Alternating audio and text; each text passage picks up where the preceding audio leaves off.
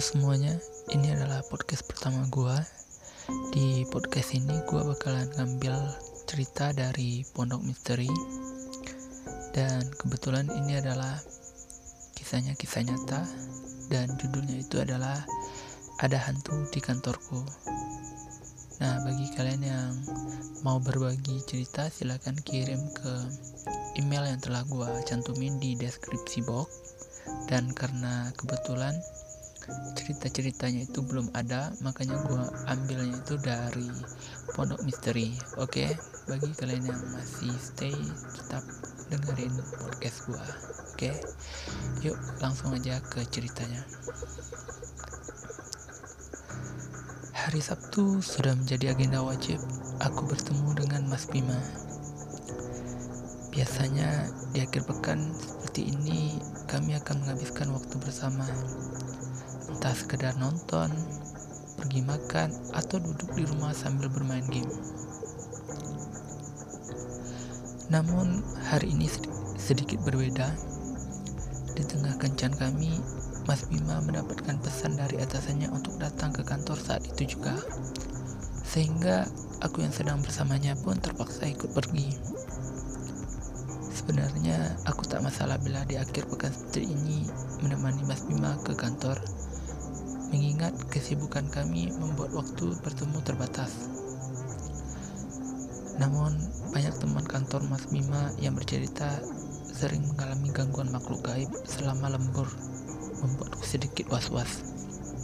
Edge, jangan berpikir tempat kerja Mas Bima di sebuah gedung tua yang usang.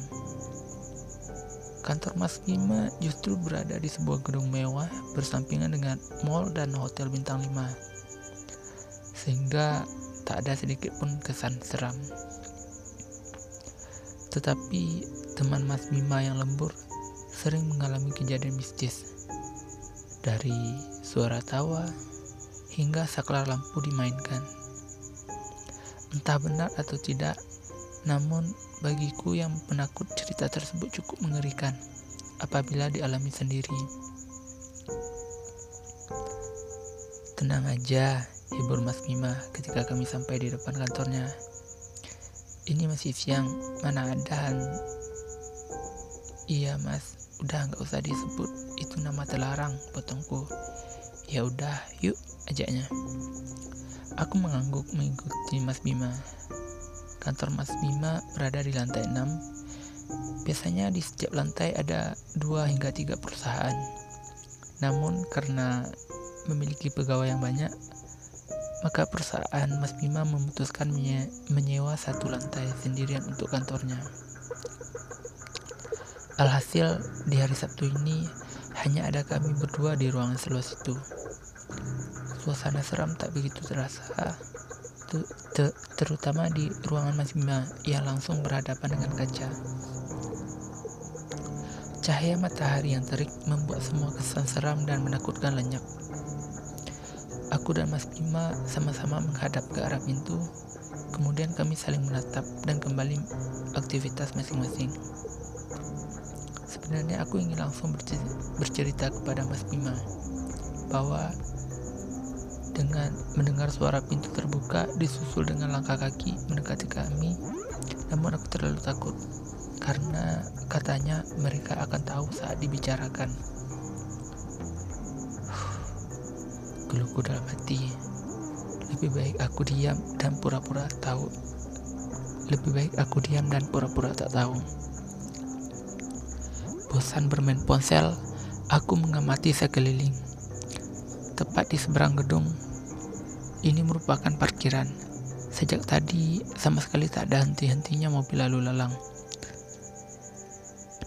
Jantungku seolah berhenti berdetak. Aku melihat sebuah siluet hitam tepat di samping pintu masuk ruangan Mas Bima yang dibiarkan terbuka. Siluet tersebut tak begitu jelas, tapi aku tahu bahwa itu adalah makhluk asing. Aku menundukkan pelan kepalaku, berusaha agar tak terlihat jelas. Mengetahui kehadirannya,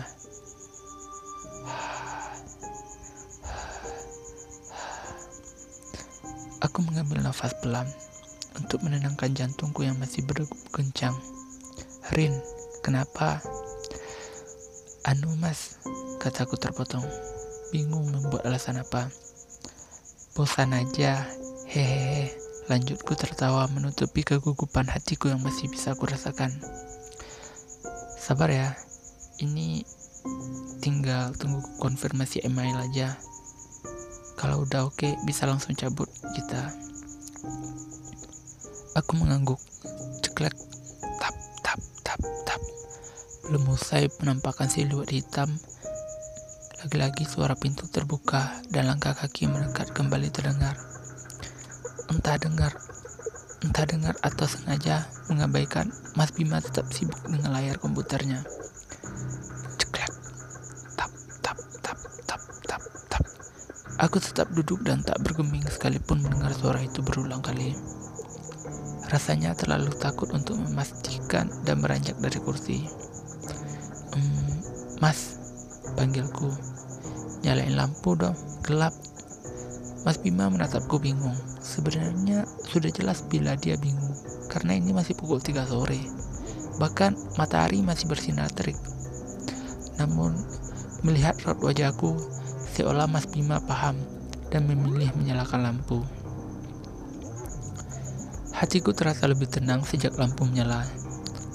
Tahu kan, perasaan ketika nonton film horor, kamu bisa bernafas lega ketika hari menjelang siang.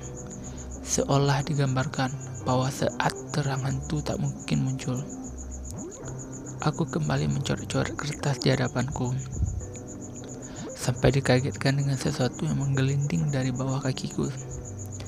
Tanpa suara dan rupa jelas, Bayangan hitam pekat serta bulat menggelinding begitu saja di bawah kakiku. Duk, duk, duk. Jantungku berdetak lebih cepat dari sebelumnya. Aku mengambil nafas, membuangnya, mengambil nafas, membuangnya. Namun seolah sia-sia.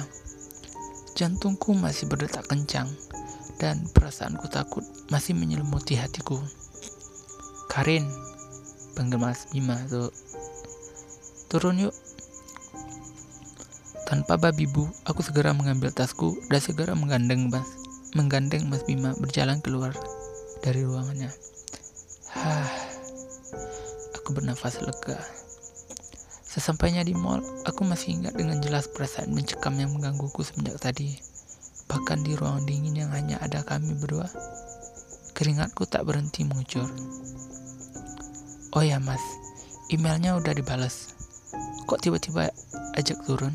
Tanyaku menyadari bahwa Mas Bima mendadak mengajak turun. Belum.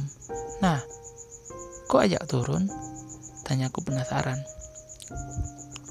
Walau sebenarnya sih senang-senang aja karena akhirnya bisa berada di keramaian. Mas tadi jawabnya terpotong. Lihat ada yang ngintip. Lanjutnya pelan. Di mana mas? Kataku terkejut. Karena Mas Bima juga mengalami gangguan yang sama denganku, pintu nggak ada pintu nggak ada rupanya, hanya bayangan hitam. Anehnya bentuknya itu oval, kayak kepala ngintip tapi hitam. Aku terdiam, terkejut. Apa yang dilihat Mas Bima sama dengan sesuatu di bawah kakiku.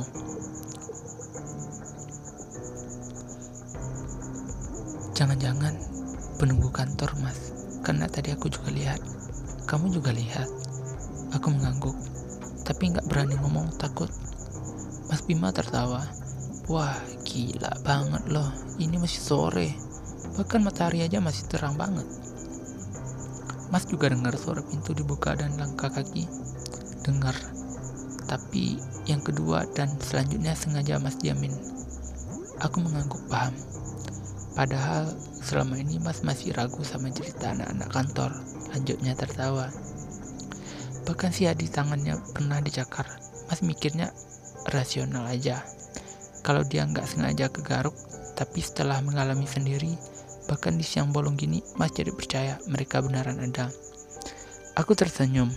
Benar kata Mas Bima, bila kita tidak mengalami sendiri, mungkin cerita-cerita seperti ini hanya seperti bualan.